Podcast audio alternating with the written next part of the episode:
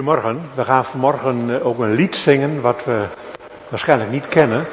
Lied 465. En dat, uh, dat willen we gewoon even met elkaar oefenen. Omdat we straks in de dienst ook nog willen proberen te zingen in kanon. Maar ik zie een aantal ervaren zangers zitten, dus dat gaat best goed.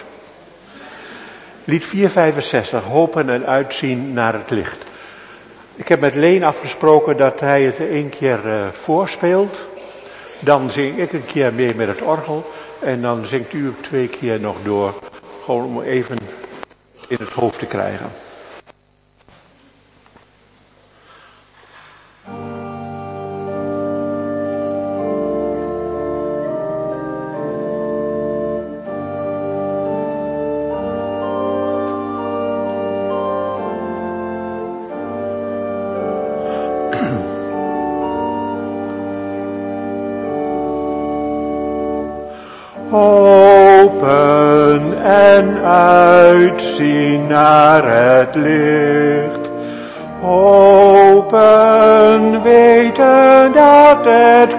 Kwade zwicht.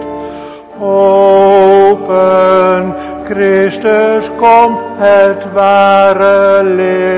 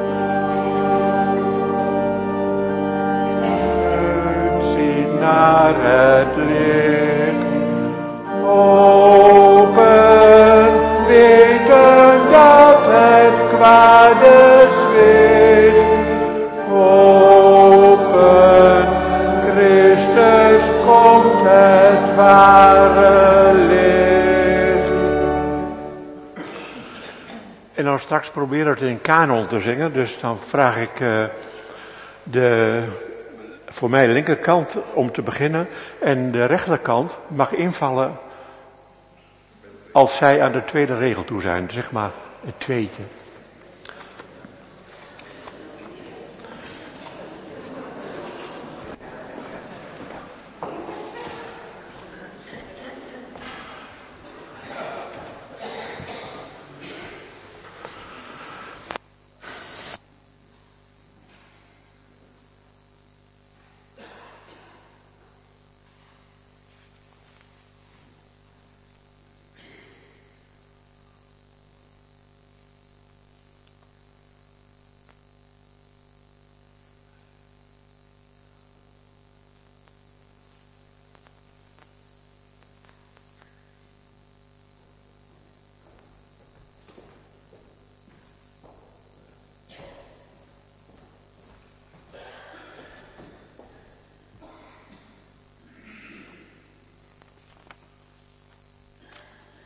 Goedemorgen gemeente. Hartelijk welkom. U hier nu aanwezig, maar ook u of jij die nu of later, op welke wijze dan ook, deze dienst beluistert en bekijkt. En natuurlijk eventuele gasten onder ons, weet u welkom. Mijn naam is Gerrit Stegenga en ik ben vanmorgen ouderling van dienst. Voorganger vandaag is dominee Gerrit Ruiterkamp. We worden muzikaal begeleid door Leen Jacobs en Kokkie van Hel is diaken. De orde van dienst voor deze zondag is te vinden op de website van de Goede Herderkerk en is ook meegestuurd met de vrijdagmail. In deze dienst gedenken we twee overleden gemeenteleden. Ook al is het bijna kerst, wij vieren vanmorgen vierde advent. Advent is de tijd van verdieping van hopen, van verlangen naar het licht, met een hoofdletter. En opbranden onze eigen gemaakte lichtjes volop. Wij kijken vanuit het donker van het vent naar Gods licht. Dat op ons afkomt in het kind van kerst, de mens Jezus. Het donker van Advent kan ons helder ziende maken. Ons beginlied, lied 437, is dan ook een lied vanuit het donker. Want wij verlangen naar en wij hopen op licht.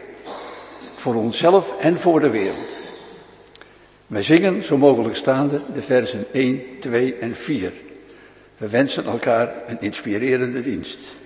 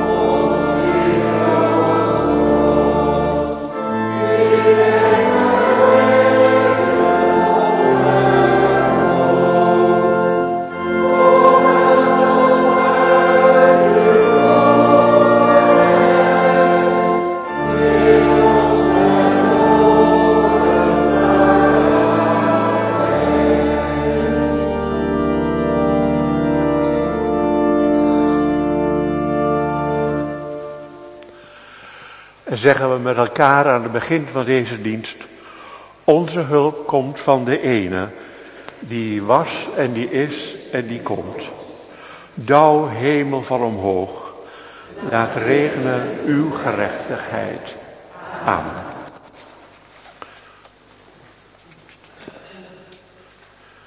De coupletten 5 en 6.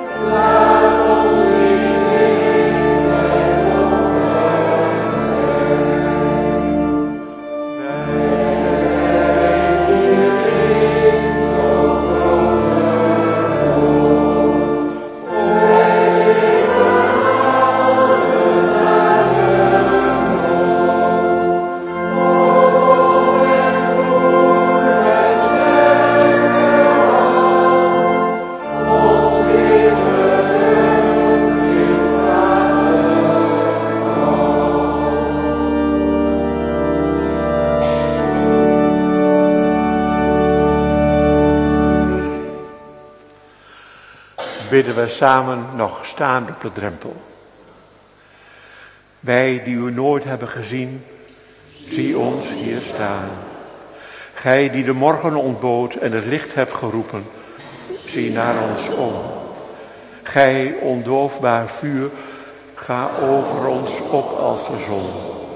Vat ons samen in uw stralen, wees het licht in onze ogen. Gij die de weerstand van de nacht wilt breken, zegen ons met uw licht. Komen wat komt. Amen.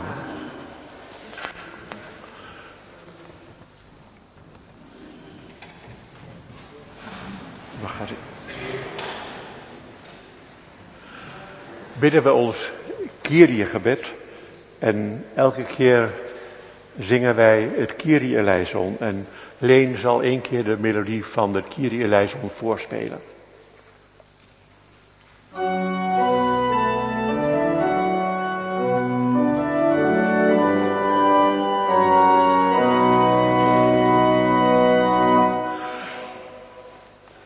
Laten we bidden.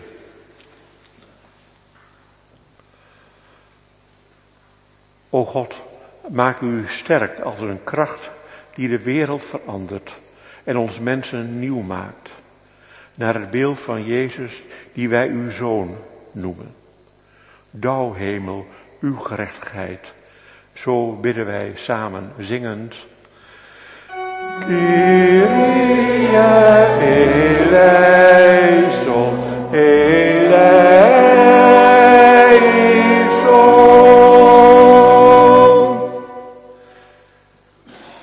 Bidden, laat de bereidheid tot vrede, het winnen van alle haat en bloedvergieten. Laat de bereidheid tot delen, het winnen van alle zelfzucht en zelfbehoud. Laat de wil om te luisteren, het winnen van de behoefte om zelf gezien te zijn. Laat recht en waarheid het winnen van hardheid en leugen. Laat het licht van kerst toch schijnen in al het donker. Douw, hemel, uw gerechtigheid. Zo roepen wij u samen zingend aan. Kyrie eleison, eleison.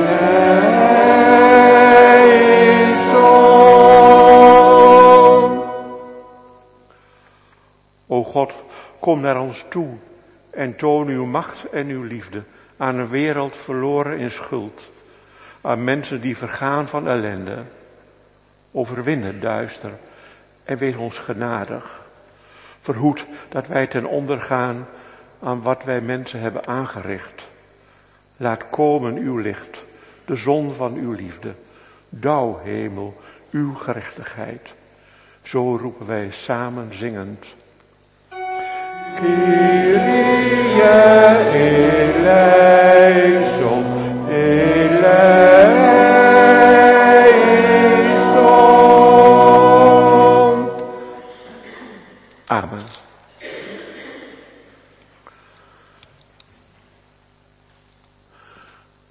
De adventskaarsen verbeelden ons verlangen naar het licht in ons duister.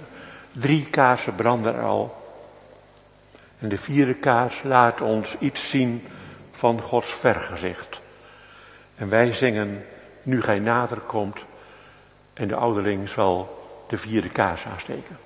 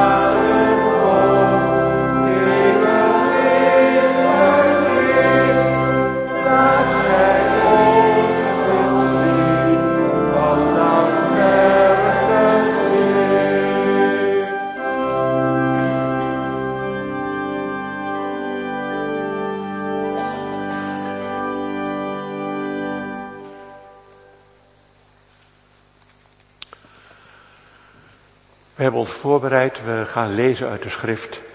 Maar eerst bidden wij om de kracht van de geest. Laten we bidden.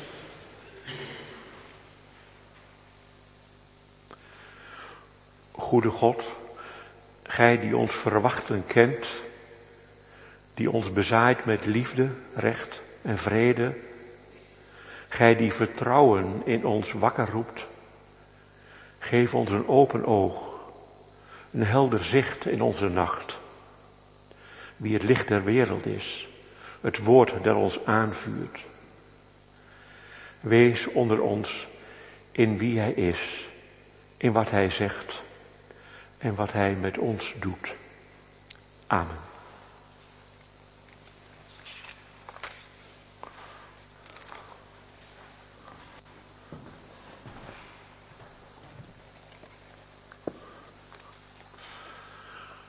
Vanmorgen één lezing, Lucas 1, de versen 39 tot 56.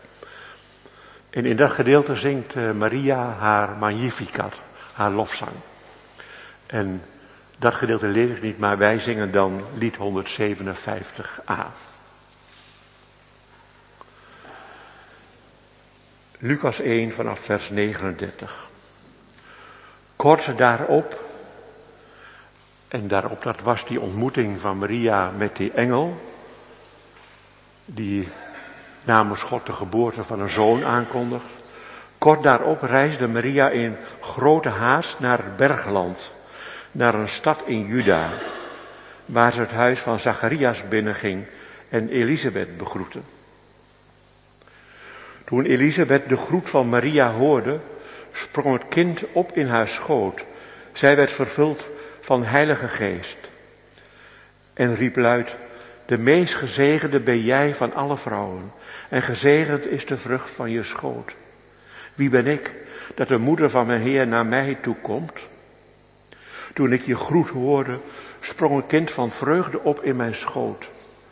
Gelukkig is zij die geloofd heeft dat de woorden van de Heer in vervulling zullen gaan. En Maria zong.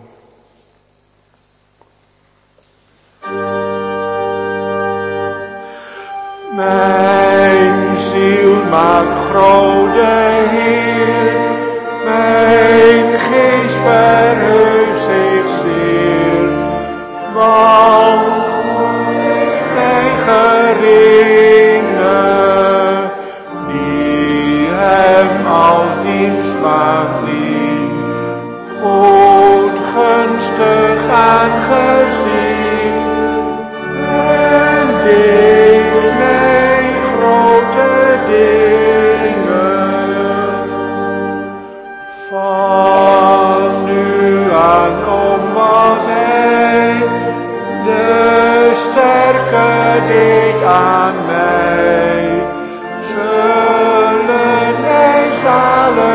Amen.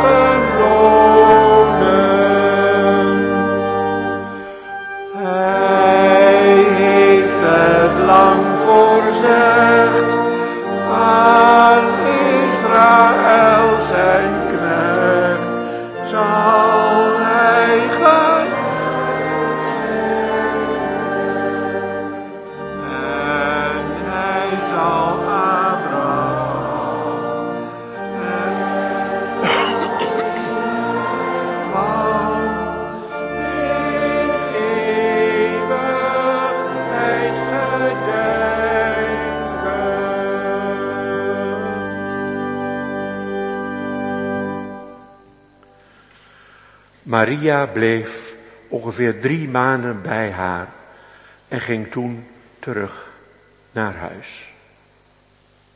Tot zover onze schriftlezing. Een gelukkig mens is hij, zij die het woord van God hoort, het bewaart en ermee leeft. Halleluja.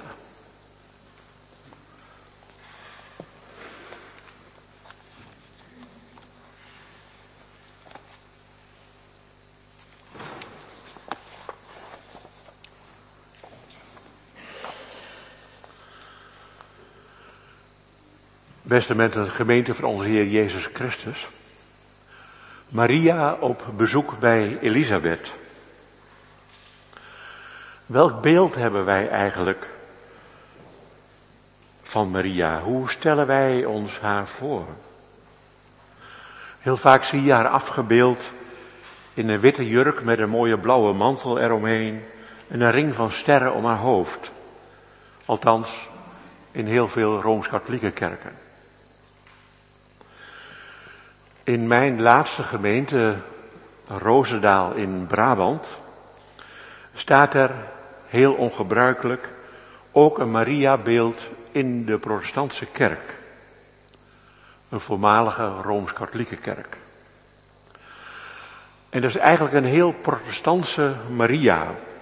Niet het beeld van de schone maagd, een soort koningin of ster der zee. Meer een eenvoudig plattelandsmeisje. Ze staat in de hal en als je binnenkomt loop je recht op haar af. En met één hand maakt ze het gebaar, kom maar binnen. En met de andere hand maakt ze het gebaar, daar moet je zijn.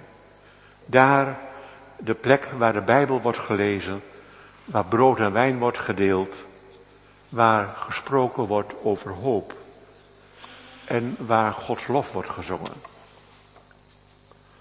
Oorspronkelijk was die Maria ook rooms-katholiek. De pastoor die haar had laten maken, toen de kerk nieuw gebouwd werd, hij was er een van de vernieuwing. Een van het Tweede Vaticaans Concilie in de zestiger jaren. Maar toen er, zoals in zoveel parochies gebeurde, een meer behoudende pastoor kwam, moest dat eenvoudige plattelandsmeisje uit één stuk hout gesneden, maar weg en plaatsmaken voor de lieve vrouwen. En toen wij als protestanten die kerk overnamen, vonden wij die originele Maria ergens in een hoekje in de kerk staan. En zodoende kwam zij weer terug. Moet dat nou, een beeld van Maria in een protestantse kerk? Zo protesteerden sommige mensen, sommige gemeenteleden, geprikkeld door al die Maria-verering van hun Rooms-Katholieke buren.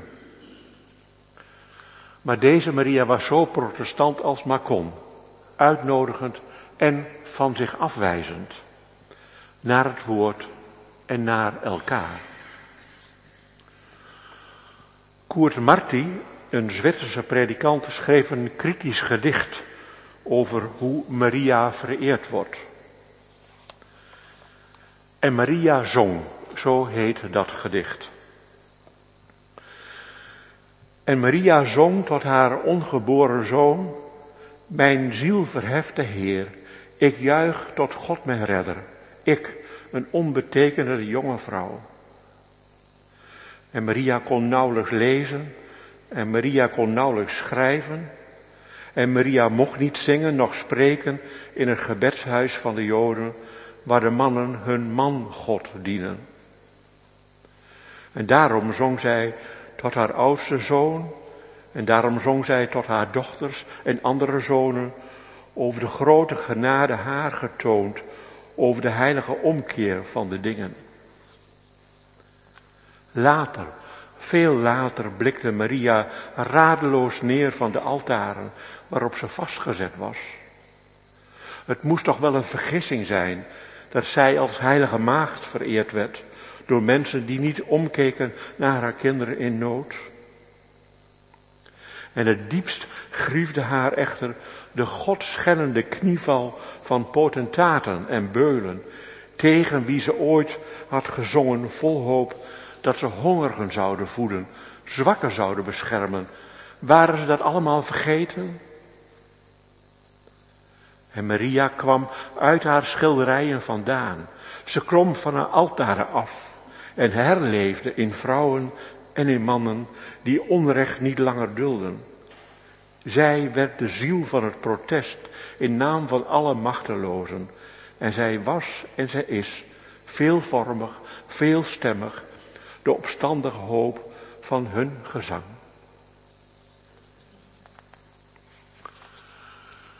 Terug naar toen. Als een reiziger in dat gebied zo rond het jaar nul iemand in Nazareth gevraagd zou hebben naar een meisje met de naam Maria, dan zou het antwoord geweest zijn, hier woont geen Maria. De toekomstige vrouw van Jozef dan, een timmerman, die dan misschien? Oh, die zou het antwoord zijn. Die kennen we wel, maar zijn aanstaande heet Mirjam. Mirjam, zo heette ook dat Joodse meisje dat later de, de boeken ingegaan is als Maria. Genoemd naar de zus van Mozes was ze. Naar Mirjam die daar de wacht hield, u weet wel, bij dat biezenkistje. Met haar ten dode opgeschreven broertje erin. Die Mirjam die vele jaren later, na de doortocht door de Schelfzee, haar vreugdelied, het Magnificat van Israël heeft gezongen. Zing de Heer, want hij is hoog verheven. Het paard en zijn ruiter stortte hij in zee. Lucas is een meester in vertelkunst. En zo vertelt hij in zijn tijd over de, de nieuwe Maria, de nieuwe Mirjam. Al lijkt het in het boek Exodus of alles daar in dat angstland Egypte bij het oude blijft. Er breekt zich ongemerkt, ook daar in het duistere Egypte, een toekomstbaan. En dan lijkt Farao oppermachtig. Er zijn daar twee vrouwen, twee vroedvrouwen en een meisje, een zusje, Mirjam, die de wacht houden bij de toekomst. En al is rond het jaar nul de tijd waarin, waarover Lucas vertelt, koning Herodes de baas in Judea. En al dicteert keizer Augustus een volkstelling met een strategisch doel. Ook hier zijn er twee vrouwen die Gods project, dat goede aarde heet, in hun hart hebben gesloten. Elisabeth en Miriam Maria. Voor God is niets onmogelijk, had de bode tegen Maria gezegd in vers 37. En Miriam Maria, die weet hoe wonderlijk God met zijn volk kan omgaan, heeft verwachtingsvol namens haar volk als deel van het geheel gezegd, de Heer wil ik dienen, laat er met mij gebeuren wat u hebt gezegd. Het is een ontroerende en vreugdevolle ontmoeting daar in dat stadje in het bergland van Judea. Maar tegelijk een subversieve, ondermijnende ontmoeting, een stille daad van verzet. Want dreigend staan de mannen al klaar om elk nieuw begin een halt toe te roepen. Zo schetst Lucas de situatie van die tijd. Herodes noemt hij als eerste. Augustus Tiberius, Pontius Pilatus, Anna en Caiaphas. En al die anderen die hun rol gaan spelen rond het kind dat nog geboren moet worden. En in die situatie zingt Maria haar versie van Israëls Magnificat. Een en al vreugde is die ontmoeting. Het kind in Elisabeths buik springt op. En Elisabeth juicht het uit. De meest gezegende van de vrouwen ben jij. En gezegend is de vrucht in je schoot. Ene al vreugde. Je voelt je haast ongemakkelijk bij het plaatje wat we gezien hebben. Want beleven wij nog wel zoveel vreugde aan ons geloof? Vaak is voor ons het geloof meer moraal dan vreugde. Eerder iets zwaarwichtigs dan iets dat je blij maakt. Eerder een reeks van overtuigingen en opvattingen die ons aanzetten tot redeneren dan tot zingen. Onze kerkgang eerder bedoeld om hier iets te halen dan om er iets te brengen. De eer aan God. Vreugde der wet, Simgaat Torah. Dat is het kernfeest van het Jodendom. Dit jaar was het, weet u het nog, op 7 oktober. Het was de dag waarop Hamas haar gruweldaden tegen Israël pleegde. En de aanzet werd voor een nog steeds doorgaand gruwelijk bloedbad. Die vreugde om het woord zou ook de grondtoon voor ons geloof moeten zijn. Vreugde om het besef dat u en ik, wij die, die afstammen van de volken, die van oorsprong buiten het heil van Israël stonden, die eerder, om met een vroegere slagzin van het humanistisch verbond te spreken, aan de goden overgeleverd waren. Maar die toch die God van Israël hebben leren kennen via Jezus. Vreugde om het leven te kunnen zien als een gave van God. Als door God gewild. Vreugde die aanzet tot zingen. Hier, hier zo samen en in ons persoonlijke leven. Zingen alvorens te gaan redeneren en organiseren. Ja, er moet nog een heel, heel veel gebeuren voordat het leven goed is voor alle mensen. Voordat, om met Maria's Magnificat te spreken, de heersers van hun troon zijn gestoten, de geringe aanzien, zal krijgen, de hongerige overladen wordt met gaven en de rijken met lege handen afdruipen. Heel veel moet er nog gebeuren. Om er mismoedig van te worden. Zoveel. Want je hebt maar twee handen en je armen zijn maar zo lang. Ja, er zijn fasen in je leven dat je heel veel aan kunt, maar soms, soms blijf je alleen maar, maar de moed van de hoop over. Want ook dan, dan wijst het loflied van Maria ons richting. In haar hoop, in haar protest,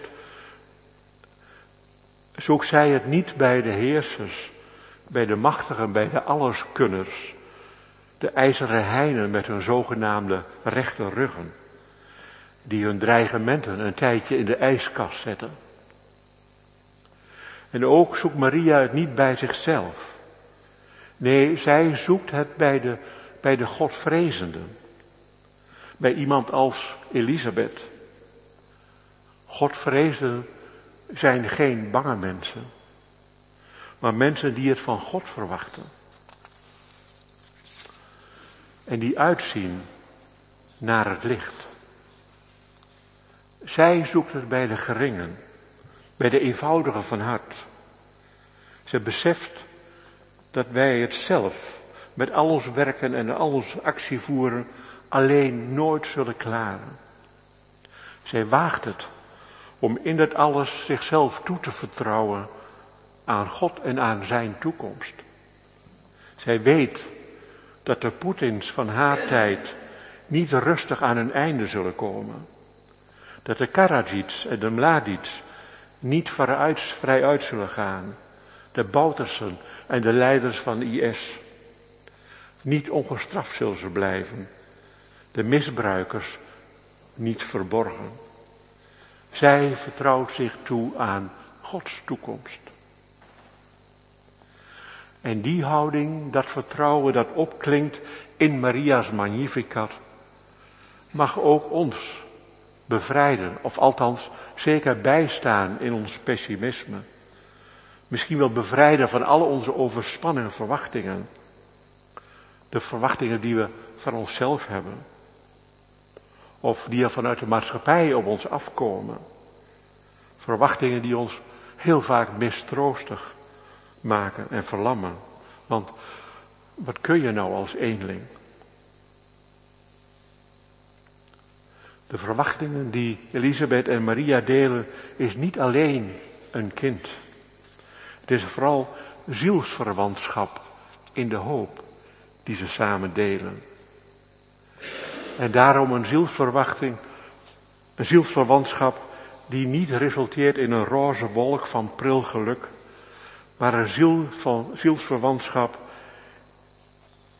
die hen ontvankelijk maakt en bereid tot opstand. Zij durven het leven aan, vol vertrouwen dat het eenmaal goed zal komen. De Heer wil, wil ik dienen, mij geschieden naar uw woord. Daarmee heeft zij haar vertrouwen uitgesproken.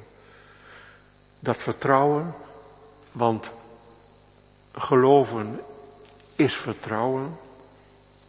Dat, het vertrouwen dat wij alles van God mogen verwachten. Dat maakt ons pas echt vrij om te doen wat we in onze situatie kunnen doen. Alle reden dus om als kerken, ook al loopt, loopt de, de betrokkenheid hard terug, alle reden om de lofzang gaande te houden. Opdat wij niet vergeten dat het uiteindelijk niet om ons kunnen draait, maar om Gods ontferming. Omdat ook, opdat ook wij gaan inzien dat Gods wegen hoger gaan dan de onze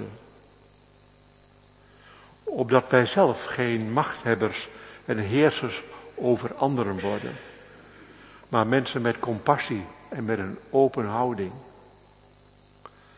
Alle reden dus om te blijven zingen. Ook als ons zelf bij vlagen het zingen vergaat.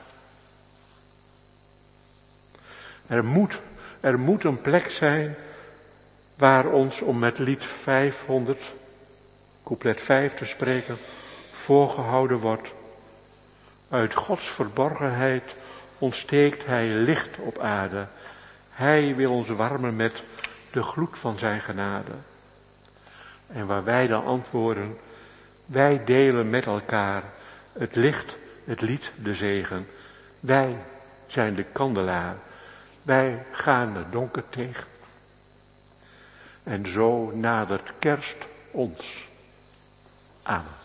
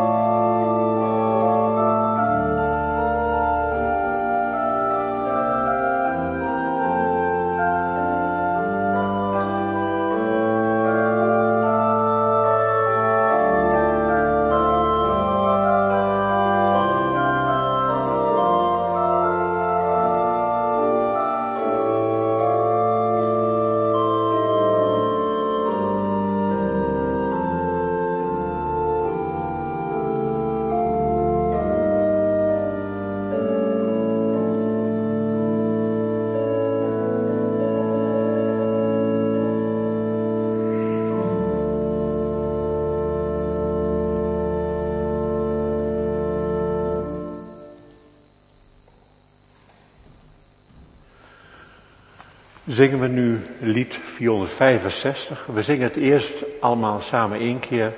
Dan gaat die groep met verder. En dan zingen we het nog drie keer. En ik zal aangeven wanneer jullie kunnen inzetten. En hopen dat het goed gaat. Het is eigenlijk een heel meditatief lied. Dus uh, ja, ik hoop dat u dat kunt herkennen in de melodie en in de woorden.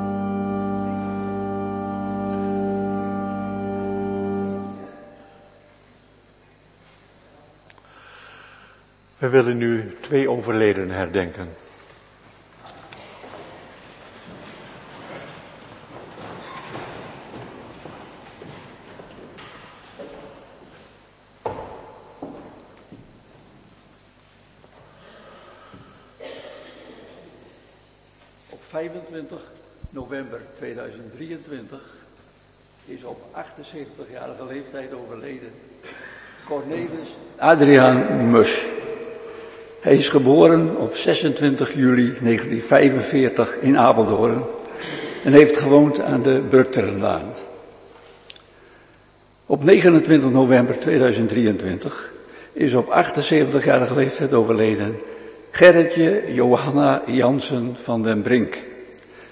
Gerry van den Brink is geboren op 30 september 1945 in Lieren. Op 2 november 1967 trouwde ze met Jan Jansen. Ze woonde aan de Weverstraat. Hier in de Goede Herderkerk gedenken wij Cornelis Adriaan Mus en Gerritje Johanna Jansen van den Brink door hun namen toe te voegen aan de gedachteniswand tussen hen die ons zijn voorgegaan. Niemand leeft voor zichzelf. Niemand sterft voor zichzelf. Wij leven en sterven voor God onze Heer. Aan Hem behoren wij toe.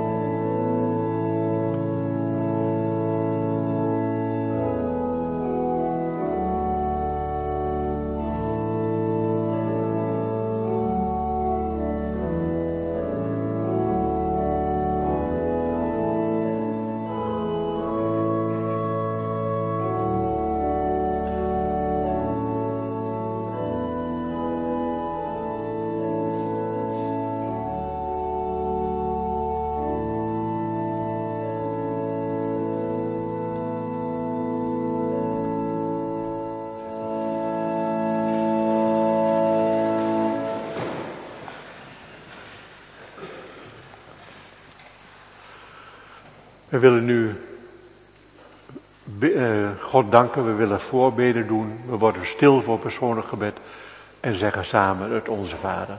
Laten we bidden. Goede God, op deze laatste zondag van Advent, op de drempel van het kerstfeest, spreekt u ons aan in een verhaal over twee vrouwen. In de oude Elisabeth en in een weerloos meisje Maria. Voor hen, voor hun vertrouwen, voor hun hoop willen wij u danken. Want via hen bevraagt u ons naar onze hoop, ons vertrouwen, ons verlangen. Dank voor hen, dank dat u door hen ook naar ons vraagt. Help ons, zo bidden wij, om niet weg te zinken in moedeloosheid, in doffe berusting, in het geweld van alle zogenaamde harde feiten. In een denk- en leefwijze waarin geen plaats meer is voor verwondering en voor een verlangen naar gemeenschap en heelheid. Help ons ook om niet te verdrinken in alle lievigheid en zoetigheid die met kerst over ons uitgestort wordt. In alle geweld van de commercie. Maar maak ons open voor uw menslievendheid, voor uw licht dat nader komt en ons de weg wil wijzen. Om vrede bidden wij. Vrede voor Israël, vrede voor Palestijnen, vrede voor Oekraïne, vrede voor Rusland, vrede voor Soudaan en zoveel andere brandharen en schandvlekken. Geef hen kracht die zoeken naar uitwegen uit de spiraal van geweld en haat. Geef ons kracht om te blijven hopen, te blijven zeggen dat er een eind moet, moet kunnen komen aan de duivelskring van haat en bloedvergieten. Aan u dragen wij op wie als een berg opzien tegen het kerstfeest. Wie hun eenzaamheid sterker dan anders ervaren. De mensen die leven tussen de puinhopen van natuur en menselijk geweld. De mensen met pijn in het hart door verbroken relaties of de onmacht om die aan te gaan.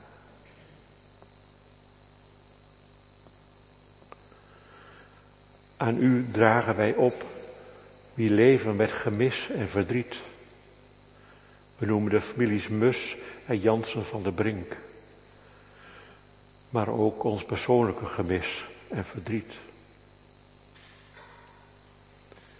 We dragen aan u op onze zieken en hen die de grip op het leven dreigen kwijt te raken. Dat er voor hen naast ons zullen zijn en dat wij dat mogen zijn. Al die mensen en ook onszelf dragen wij aan u op in ons stille gebed. Maar ook al datgene wat ons goed doet, waar wij dankbaar voor zijn en ons op verheugen mogen. Heer, hoor naar ons in de stilte en vul die stilte met uw nabijheid.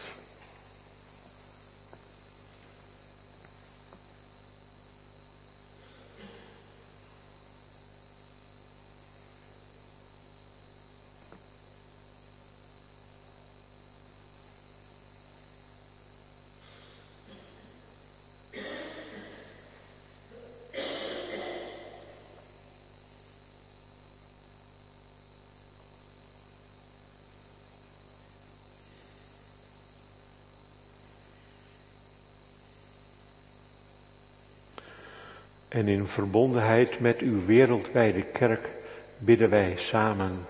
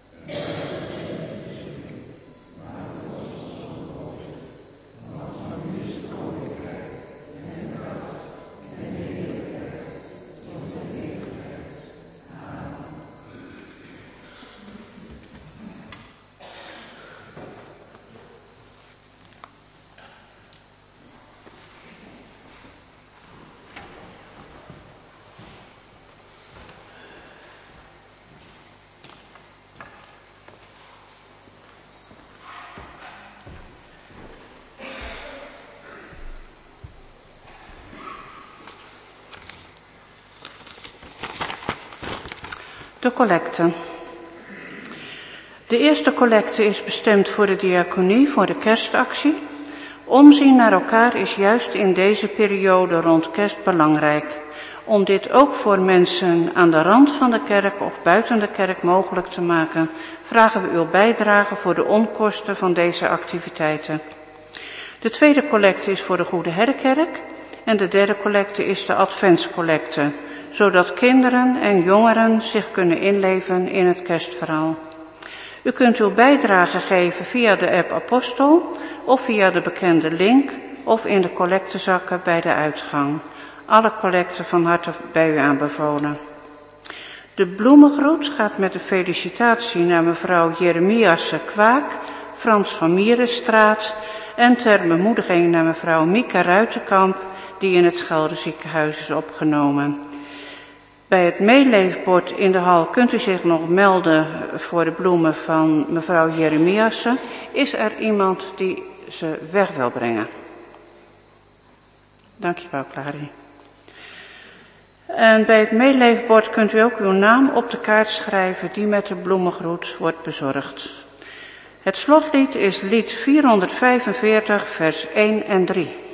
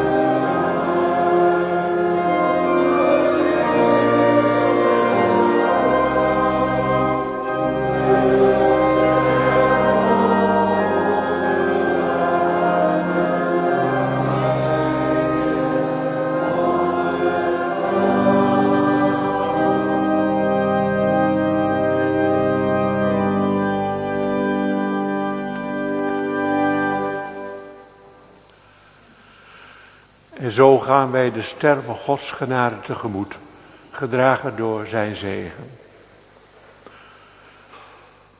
De Heer zegen u en hij behoede u. De Heer doet zijn aangezicht over u lichten en hij zij u genadig. De Heer verheffen zijn aangezicht over u en hij geven u vrede.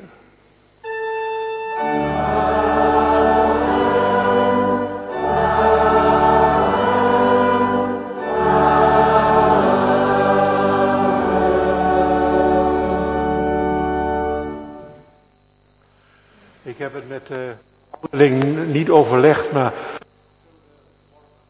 in verband met alle corona die er weer is, elkaar geen hand geven, maar elkaar op deze manier begroeten.